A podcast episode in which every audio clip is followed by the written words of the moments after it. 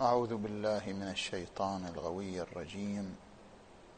والصلاة والسلام على أشرف الأنبياء والمرسلين محمد وآله الطيبين الطاهرين.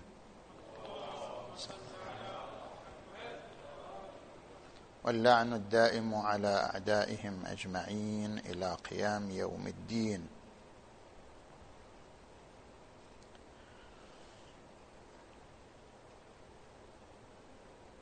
سبق أن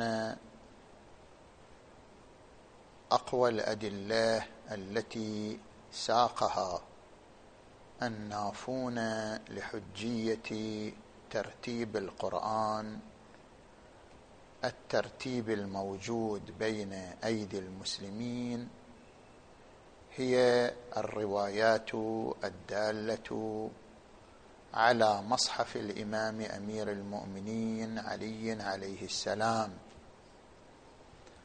حيث استفيد من وجود مصحف لأمير المؤمنين وأن الإمام عليه السلام احتج به على القوم بعد وفاة الرسول صلى الله عليه وآله أن القرآن الواقعي الممضى هو ما كان لدى الإمام علي عليه السلام لا القران الموجود المعهود بحسب الترتيب المعروف بين ظهراني المسلمين.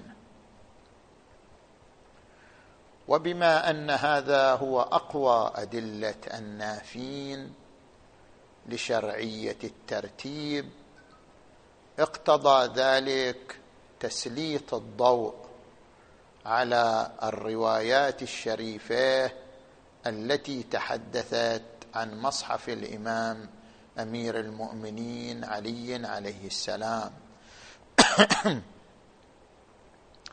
وبيان هل أن المصحف العلوي يختلف من حيث الترتيب ومن حيث التنزيل عن المصحف المعروف بين المسلمين أم لا. ومن أجل الوصول إلى النتيجة لا بد لنا من التعرض إلى أمور. الأمر الأول بيان اهتمام السماء وتبعا لذلك رسول الله صلى الله عليه وآله بجمع القرآن وتبويبه وحفظه بالنحو الذي أراده الله تبارك وتعالى.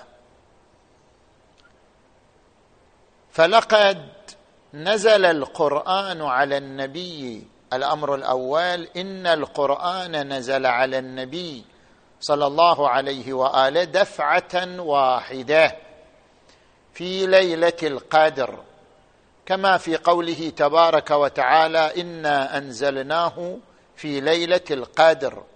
أو قوله تبارك وتعالى إنا أنزلناه في ليلة مباركة. ونزول القرآن دفعة واحدة كأنه من باب التخطيط لنزول القرآن بعد ذلك على ضوء الحوادث والوقائع. فإنه إذا نزل دفعة واحدة فكان النبي صلى الله عليه واله على علم به بتمام شؤونه وتفاصيله فمتى ما استجدت واقعة أو حادثة تقتضي نزول القرآن أو تعليق القرآن عليها فالنبي على علم بالقرآن قبل تعليق السماء على تلك الحادثة. وهذا مما يجعل النبي صلى الله عليه وآله على طريق واضح بالنسبة لما يستجد من الوقائع والحوادث. لذلك ذكرت بعض الآيات الشريفة عبارة تثبيت الفؤاد. ويقول الذين كفروا لولا نزل عليه القرآن جملة واحدة كذلك لنثبت به فؤادك. ونزلناه تنزيلا. كأن نزول القرآن بنحوين تارة نزل دفعة واحدة فالنبي استوعب جميع تفاصيل القرآن وأخرى ينزل بشكل تدريجي يجعل النبي على أهبة واستعداد لأي حكم ينزل. هذا مما يجعل النبي صلى الله عليه وآله في نحو أكمل مما لو نزل القرآن بطريقة واحدة وهي إما الدفع وإما التدريج. كذلك لنثبت به فؤادك ونزلناه تنزيلا. وأثر هذا كما يذكر بعض المفسرين الإخبار بالمغيبات فإن قوله تعالى ألف لاميم غلبت الروم وهم من بعد غلبهم سيغلبون في بضع سنين. أو قوله تعالى مثلا لتدخلن المسجد الحرام إن شاء الله آمنين محلقين رؤوسكم ومقصرين. هذه الإخبار بالمغيبات جعلها البعض شاهدا على أن القرآن نزل مرتين وأنه في المرة الأولى نزل بهذه التفاصيل ولكن لا بنحو الإخبار عن الوقوع وفي المرة الثانية صدر بنحو الإخبار عن الوقوع. هذا الأمر الأول. النزول التدريجي. الأمر الثاني النزول التدريجي. قال تبارك وتعالى وقرآنا فرقناه. لتقرأه على الناس على مكث مكث بشكل تدريجي ونزلناه تنزيلا والتنزيل ظاهر في النزول التدريجي. ويشير إلى هذه النقطة قوله تبارك وتعالى ولا تعجل بالقرآن من قبل أن يقضى إليك وحيه.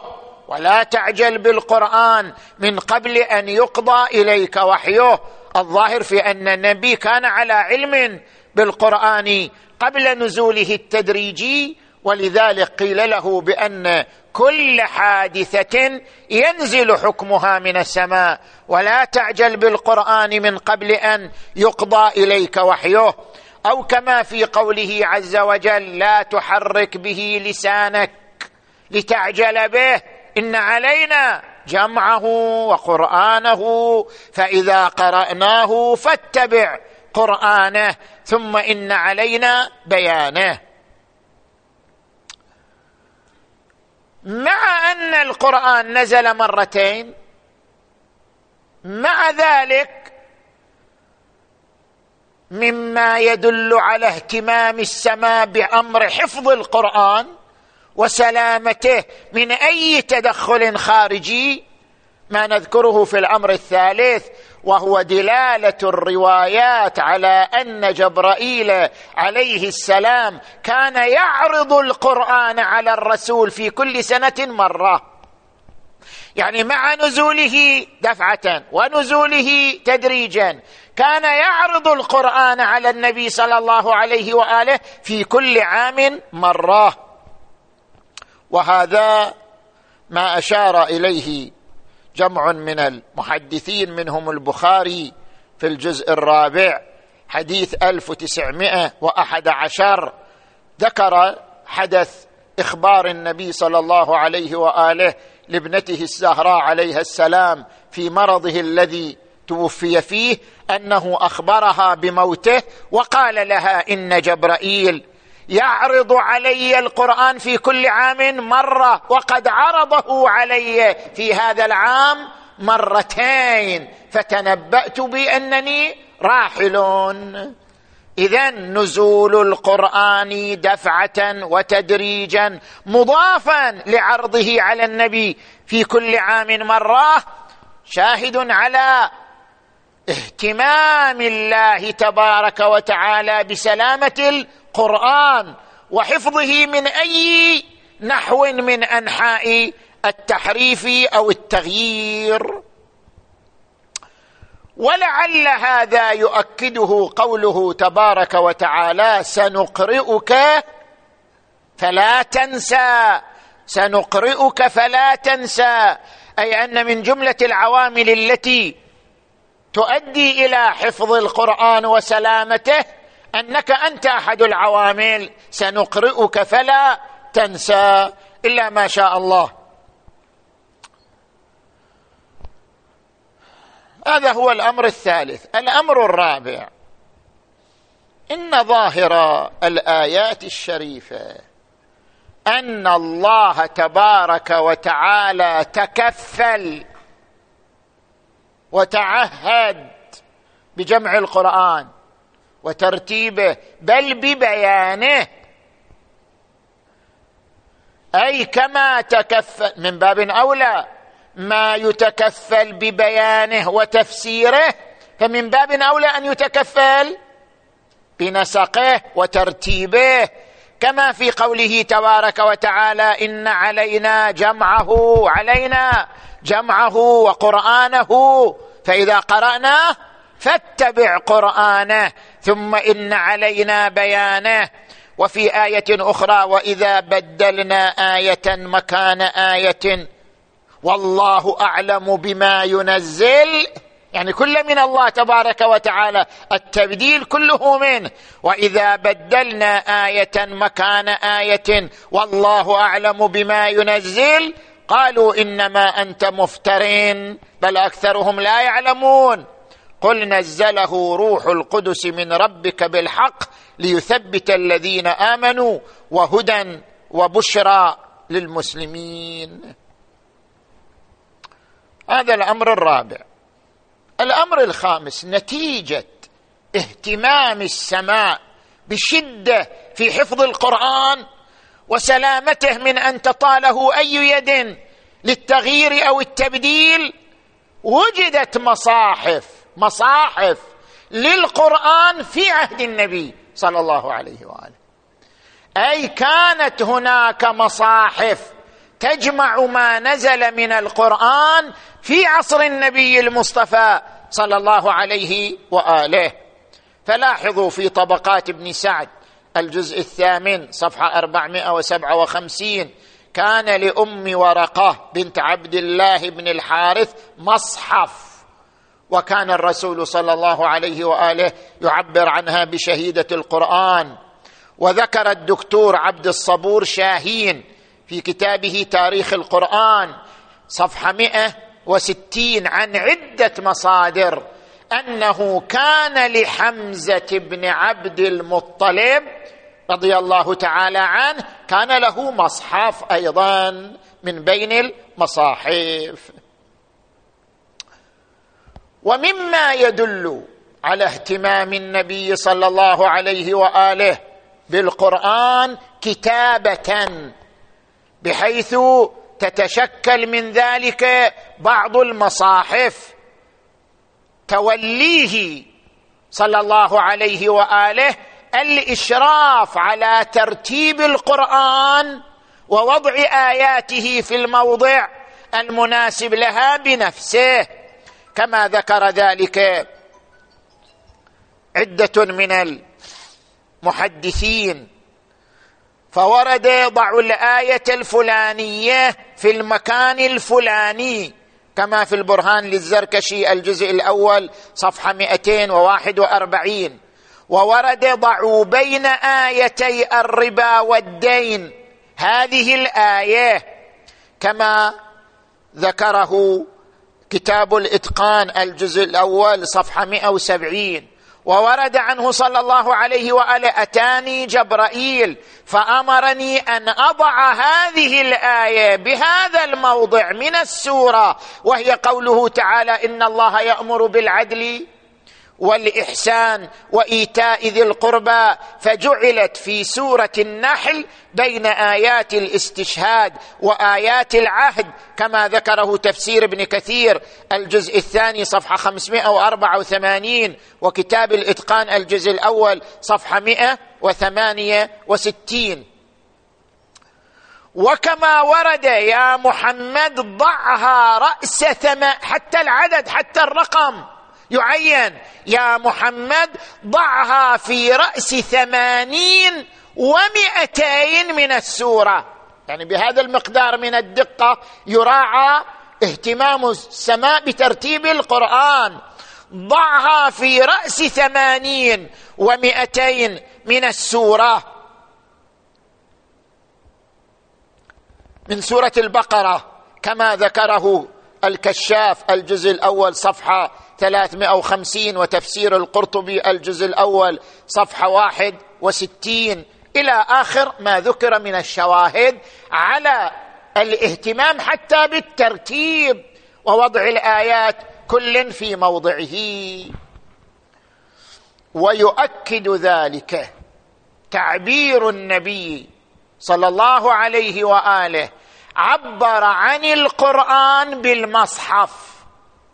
نفس النبي عبر في زمانه عن القرآن بالمصحف مما يدل على وجود شيء مكتوب شيء مكتوب في صحف معهود بين المسلمين بأنه المصحف وإلا لو لم يكن هناك صحف مكتوبة ومعهوده بين المسلمين لما عبر عنه الرسول صلى الله عليه وآله بالمصحف. فلاحظوا هذه الروايات الشريفة. قال صلى الله عليه وآله لا تأخذوا المصحف إلى أرض العدو. وهذه الرواية ذكرها البخاري في الجزء الرابع حديث 1914 وورد عنه صلى الله عليه وآله من قرأ القرآن في المصحف. معناه في قرآن وفي شنو؟ مصحف وأن القرآن مكتوب في المصحف. من قرأ القرآن في المصحف كانت له ألف حسنة. كما ذكره الطبراني في المعجم الكبير الجزء الأول صفحة 231 وأيضا في في تفسير البرهان الجزء الأول صفحة 462 وورد عنه صلى الله عليه وآله لا تمس المصحف. شيء مكتوب. لا تمس المصحف وأنت غير طاهر. أيضا هذه الرواية الشريفة ذكرها كنز العمال الجزء الأول صفحة 309 عن أبي داود في المصاحف.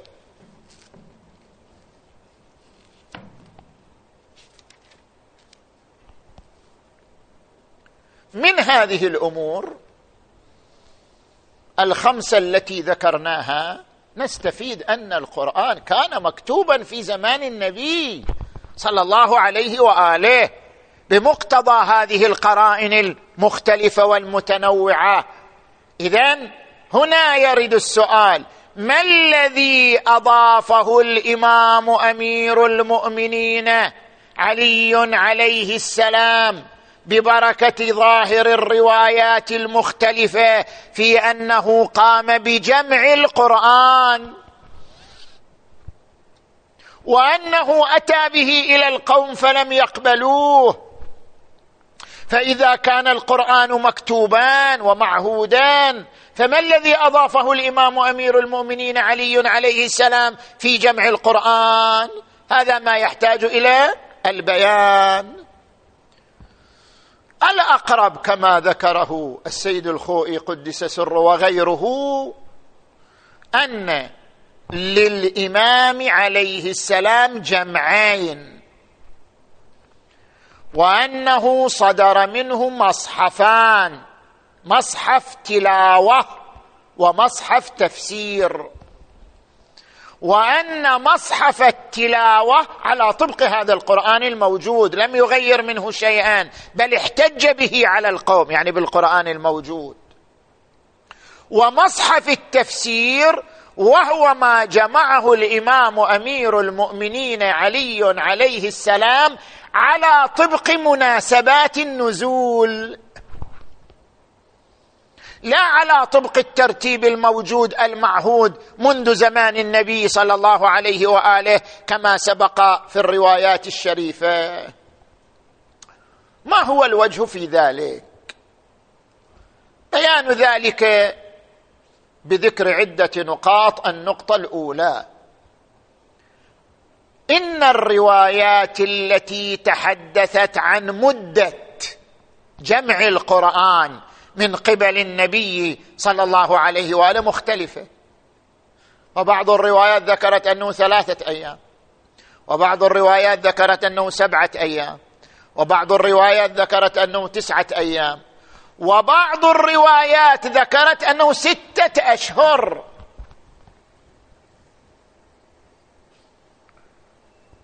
فكيف نجمع بين هذه الروايات المختلفة؟ لاحظوا هذه الروايات الشريفة التي ذكرت أنه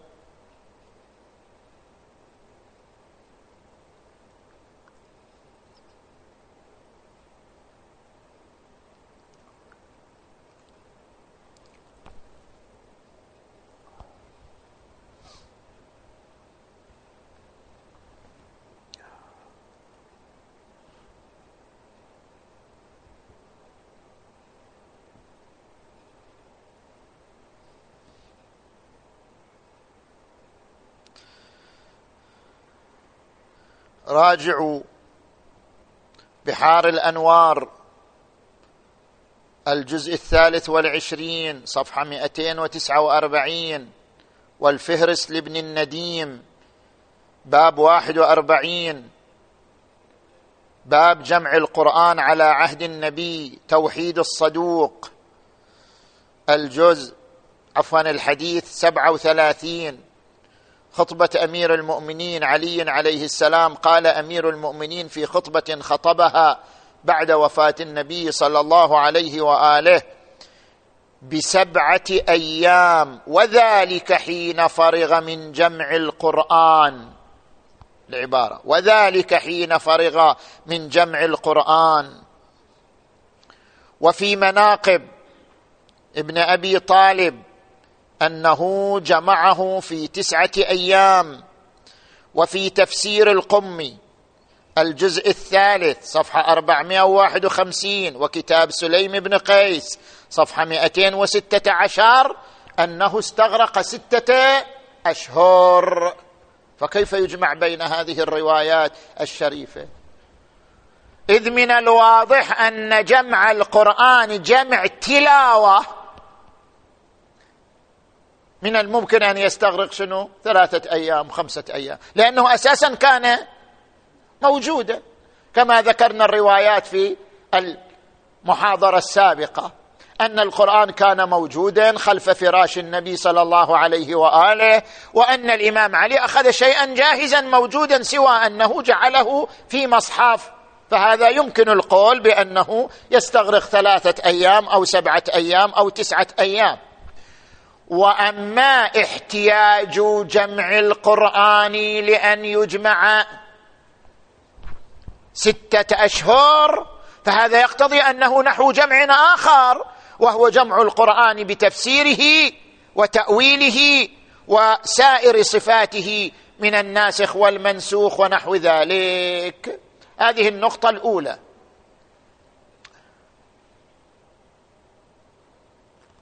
بل ذكر.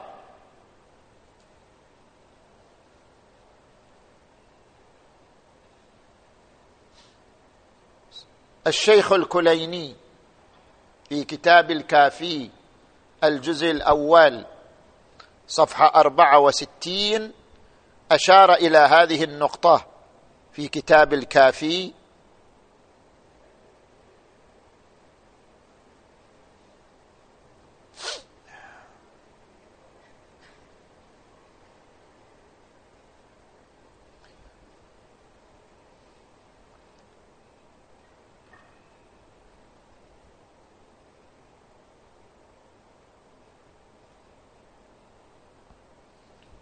أن ما جمعه الإمام أمير المؤمنين علي عليه السلام هو جمع التفسير والتأويل.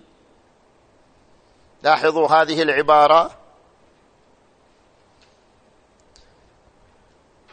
عن الإمام علي عليه السلام قوله فما نزلت على رسول الله صلى الله عليه وآله آية من القرآن إلا أقرأنيها وأملاها علي فكتبتها بخطي. يعني هو الإمام علي نفسه كتب القرآن منذ زمان النبي وكتبت. إذا لا آية إلا وكتبها بخطه وقطعا وضعها في موضعها الذي يريده الرسول صلى الله عليه وآله فمعناه أنه أتم القرآن كتابة في عهد النبي صلى الله عليه وآله فما نزلت على رسول الله صلى الله عليه وآله آية من القرآن إلا أقرأنيها وأملاها علي فكتبتها بخطي.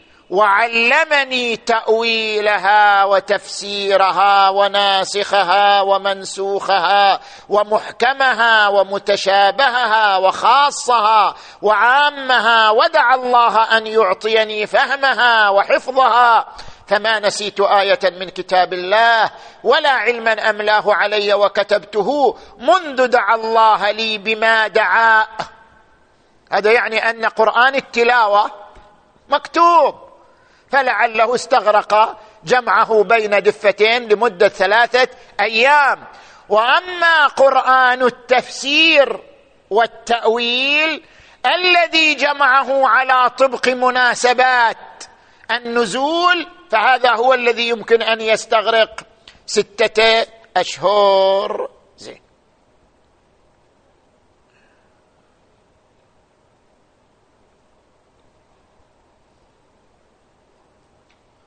قد يقول قائل ما هو الداعي لأن يجمع القرآن الإمام علي عليه السلام لأن يجمع القرآن على طبق مناسبات النزول؟ فإذا كان القرآن مجموعا ومكتوبا بالترتيب الموجود الآن فما هو الداعي لأن يتصدى الإمام أمير المؤمنين علي عليه السلام أن يجمع القرآن على طبق مناسبات النزول فالمكي قبل المدني وما نزل أول البعث قبل آخرها وما نزل أول نزوله المدينة قبل ذلك. لماذا؟ باعتبار أن وضوح التفسير يتوقف على ذلك. لأنه إذا ذكرت كل آية ويوم نزولها ومناسبة نزولها ثم عقب عليها بالتفسير أو التأويل الصادر عن النبي صلى الله عليه وآله كان ذلك أوضح بحيث لو وصلنا هذا القرآن المرتب على طبق مناسبات النزول لكان تفسيره واضحا بحيث لا وجود حينئذ لإجمال أو إبهام لأن كل آية مرقمة بوقت نزولها ومعها تفسيرها أو تأويلها فلا يبقى أي شبهة أو إجمال في فهم القرآن. فالذي دعاه لأن يرتب القرآن على طبق مناسبات النزول هو هذا لكي يكون تفسيره أو تأويله لمن وصل إليه واضحا لا شبهة فيه. زين. وهذا ما ذكره الزركشي في علوم القرآن الجزء الأول صفحة 237 والبغوي في شرح السنة الجزء الرابع صفحة 523 فإن ما ذكرا هذان يؤيد بالنتيجة ما ذهب إليه السيد الخوئي وأمثاله. قال الزركشي وترتيب النزول منه يعني من الإمام علي يختلف عن ترتيب التلاوة يعني القرآن المتلو غير القرآن المفسر الذي جمعه الإمام أمير المؤمنين. وقال البغوي ولا يستبعد أن يكون لكتابة المنزل نسختان لا يختلفان اختلاف التضاد وكلاهما كلام الله. غاية ما في الأمر هذا على طبق ما كان شائعا في زمن النبي وذاك على طبق مناسبات النزول زين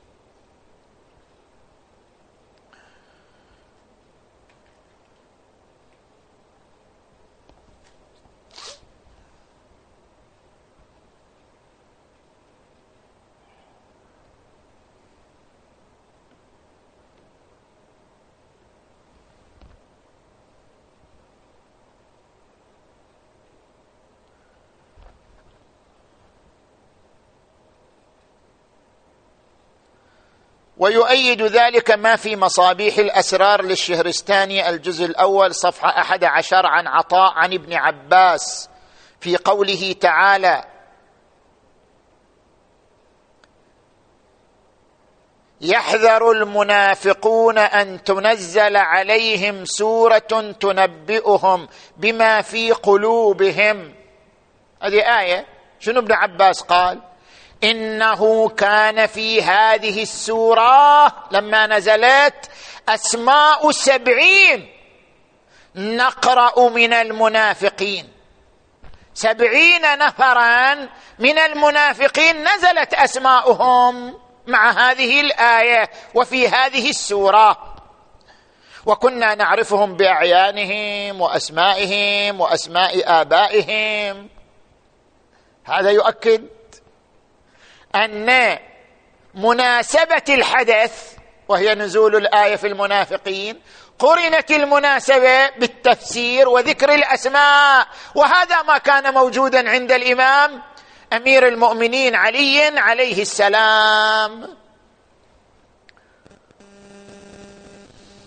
وأيضا لاحظوا هذه الرواية الشريفة التي ذكرها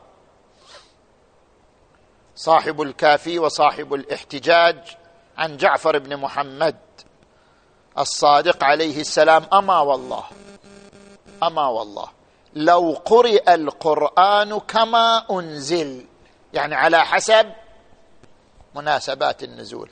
لألفيتمونا فيه مسمين يعني لألفيتم أسماءنا لألفيتم لألفيتمونا فيه مسمين كما سمي من كان قبلنا موسى وعيسى وإبراهيم ونوح. وقال عليه السلام نزل القرآن أربعة أرباع ربع فينا وربع في عدونا وربع قصص وأمثال وربع قضايا وأحكام. ولنا أهل البيت فضائل القرآن.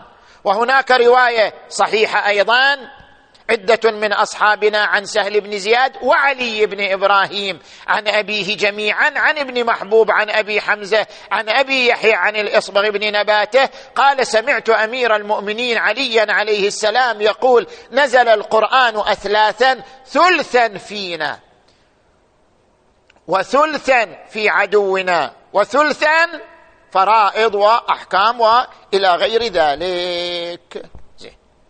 هذا كله ناظر إلى قرن القرآن المنزل بتفسيره وتأويله. زين. ومما يظهر أن القرآن الذي جاء به الإمام علي عليه السلام إلى القوم فلم يقبلوه لأن الرواية تقول لم يقبلوه. طيب إذا هو موافق لهم من حيث الترتيب لماذا لم يقبلوه؟ إذا كان القرآن الذي جمعه الإمام أمير المؤمنين هو قرآن التلاوة وهو موافق للترتيب ما هو بين أيدي المسلمين فلماذا لم يقبلوه؟ ظاهر روايات أنه قرآن التفسير والتأويل فالذي لم يقبلوه منه هو قرن الآية بتفسيرها وتأويلها لأن فيها ظهور أسماء المنافقين وظهور أسماء أهل البيت صلوات الله وسلامه عليهم أجمعين. فلاحظوا ما رواه صاحب الكافي الشيخ الكليني في الجزء الثالث صفحة 633 حديث 33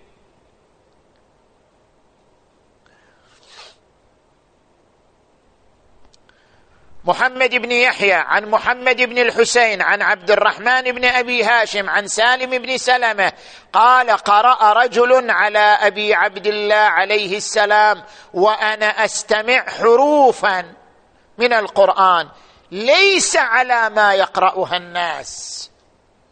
فقال أبو عبد الله كف عن هذه القراءة. اقرأ كما يقرأ الناس. يعني على الترتيب الموجود بين الناس. اقرأ بهذا الترتيب. حتى يقوم القائم. فإذا قام القائم قرأ كتاب الله قرأ. هو كتاب الله نفسه بس نحو القراءة اختلف. قرأ كتاب الله عز وجل على حده. وأخرج المصحف الذي كتبه علي عليه السلام. وقال أخرجه علي إلى الناس الإمام يذكر الحادثة. أخرجه علي عليه السلام إلى الناس حين فرغ منه وكتبه وقال لهم هذا كتاب الله عز وجل كما أنزله الله عز وجل على محمد صلى الله عليه وآله وقد جمعته من اللوحين. فقالوا هو ذا عندنا مصحف جامع فيه القرآن لا حاجة لنا فيه. فقال أما والله ما ترونه بعد يومكم هذا أبدا. إنما كان علي أن أخبركم أن ترى هذا قرآن على طبق النزول وفيه التفسير والتأويل. يبقى هذا القرآن الذي بين أيديكم حجة لأنه قرآن التلاوة. لكن هذا القرآن الثاني تحتاجون إليه حتى يعرف تفسيره وتأويله. إنما كان علي أن أخبركم حين جمعته لتقرؤوه. خوش.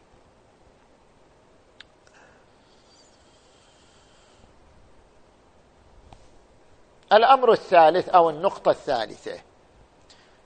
أن الإمام عليا عليه السلام كما جمع القرآن جمع تفسير وتأويل فإنه أمضى القرآن الموجود بين أيدي المسلمين من حيث الترتيب والتلاوة ويدل على ذلك. ما ذكره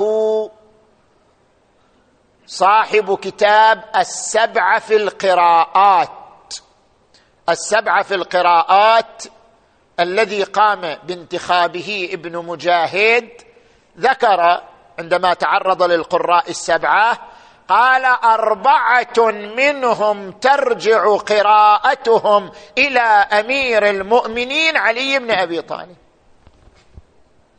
إذا القراءة الموجودة من هؤلاء الأربعة هي قراءة لهذا القرآن الموجود بين أيدينا.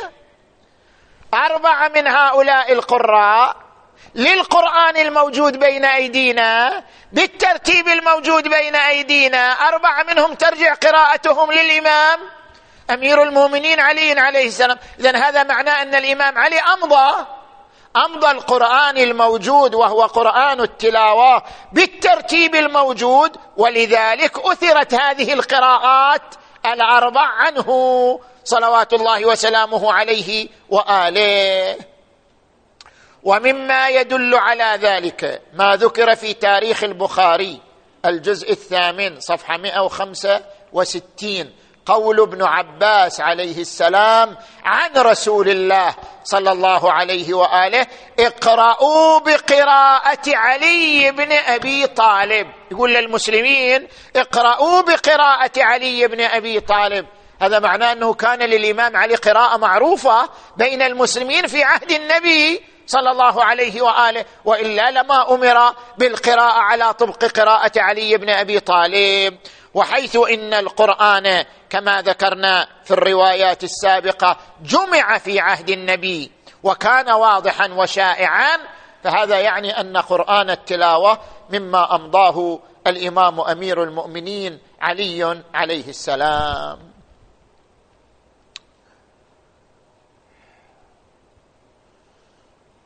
الأمر الرابع مما يؤكد صحة ترتيب القرآن الموجود بين أيدينا.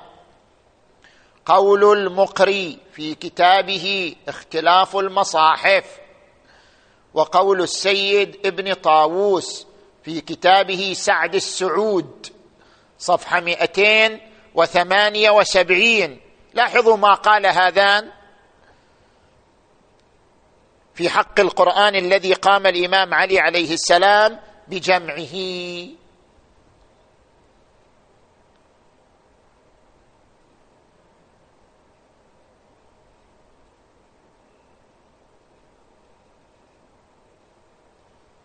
نعم. قال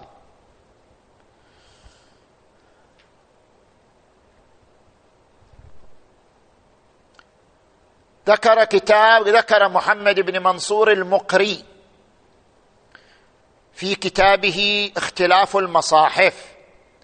إن القرآن جمعه على عهد أبي بكر زيد بن ثابت وخالفه في ذلك أبي وعبد الله بن مسعود وسالم مولى أبي حذيفة ثم أعاد. لاحظوا هذه نقطة مهمة.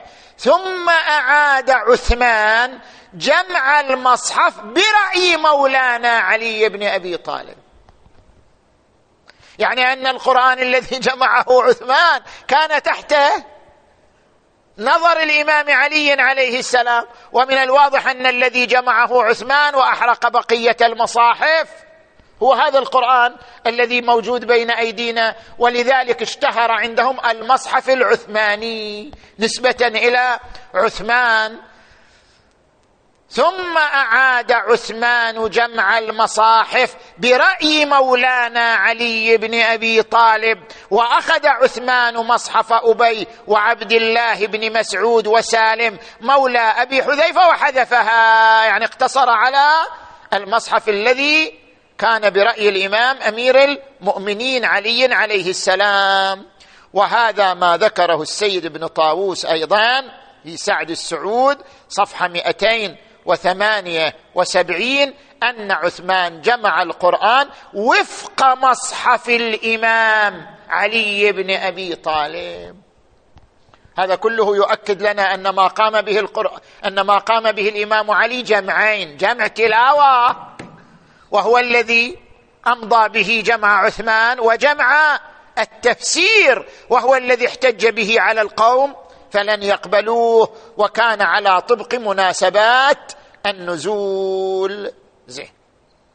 ويؤكد لذا ويؤكد ذلك قول الإمام لطلحة في الاحتجاج. صفحة ستة وستين الجزء الأول من الاحتجاج. صفحة ستة وستين. لاحظوا احتجاج الإمام عليه السلام على طلحة. بل إيه؟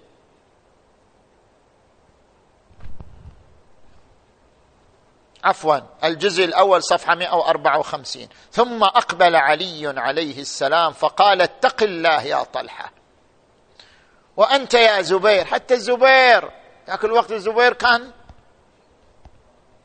من أهل البيت يعني من من القريبين من أهل البيت. اتق الله يا طلحة وأنت يا زبير وأنت يا سعد وأنت يا ابن عوف اتقوا الله.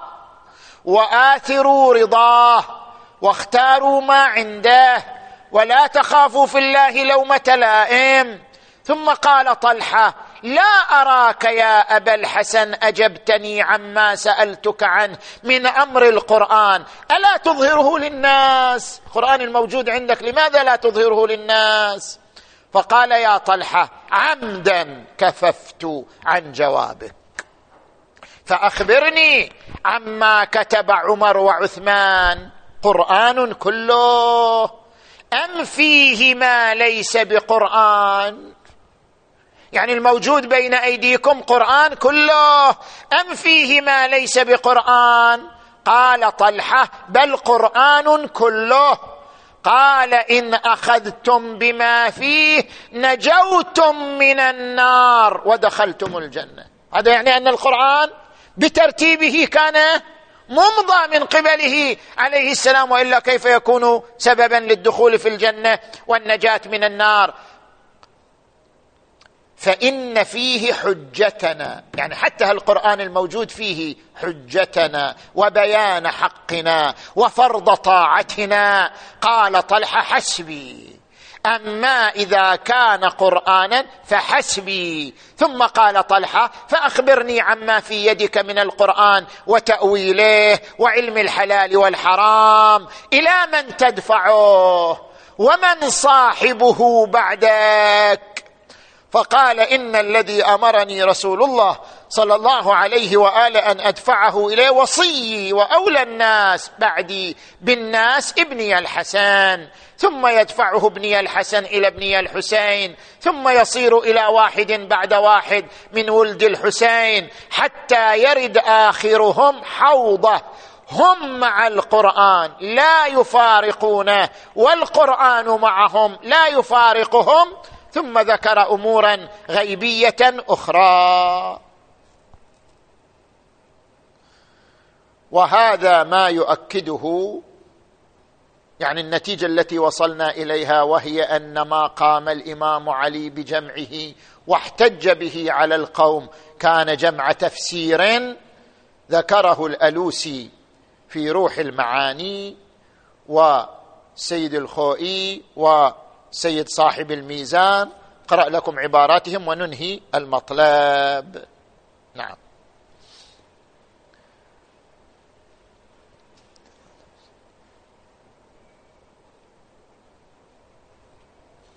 قال الألوسي في روح المعاني.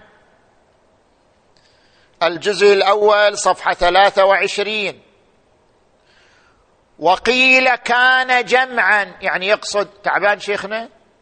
وقيل كان جمعا بصورة أخرى لغرض آخر. يعني أن ما قام به الإمام علي جمعا بصورة أخرى بغرض آخر. ويؤيده أنه قد كتب فيه الناسخ والمنسوخ فهو ككتاب علم. وذكر سيدنا الخوئي قدس سره في البيان صفحة 223 قال إن وجود مصحف لأمير المؤمنين علي عليه السلام يغاير القرآن الموجود في الترتيب مما لا ينبغي الشك فيه.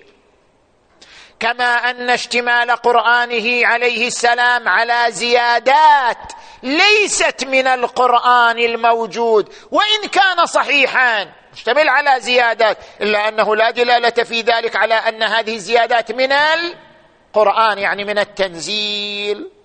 وقال السيد الطباطبائي في الميزان الجزء الثاني عشر صفحة 108 وكذا الروايات الواردة عن أمير المؤمنين وسائر الأئمة من ذريته في أن ما بأيدي الناس قرآن نازل من عند الله. وإن كان غير ما ألفه علي عليه السلام من المصحف ولم يشركوه في التأليف في زمن أبي بكر ولا في زمن عثمان. ومن هذا الباب قولهم لشيعتهم اقرأوا كما يقرأ الناس. بل قال الشيخ المفيد أيضا عليه الرحمة في أوائل المقالات صفحة 351 قال جماعة من أهل الإمامة عن القرآن الذي في يد الإمام علي إنه لم ينقص من كلمة ولا آية ولا من سورة ولكن حذف أو حذف ما كان مثبتا في مصحف أمير المؤمنين. يعني القرآن الموجود ليس ناقص عما عند أمير المؤمنين لا كلمة ولا آية ولا سورة. ولكن حذف منه ما كان مثبتا في مصحف أمير المؤمنين من تأويله وتفسير معانيه على حقيقة شنو؟ تنزيله. ولذلك ذكر ابن سيرين وغيره أنه كانوا يتمنون الوصول إلى مصحف أمير المؤمنين علي عليه السلام. قال ابن سيرين فطلبت ما الف سعيت وين أحصل مصحف أمير المؤمنين؟ فطلبت ما الف فاعياني ولم أقدر عليه ولو أصبته كان فيه علم كثير. وذكر محمد بن جزي الكلبي في قوله لو وجد مصحفه لكان فيه علم كثير. ارجع إلى التسهيل لعلوم التنزيل الجزء الأول صفحة أربعة والحمد لله رب العالمين.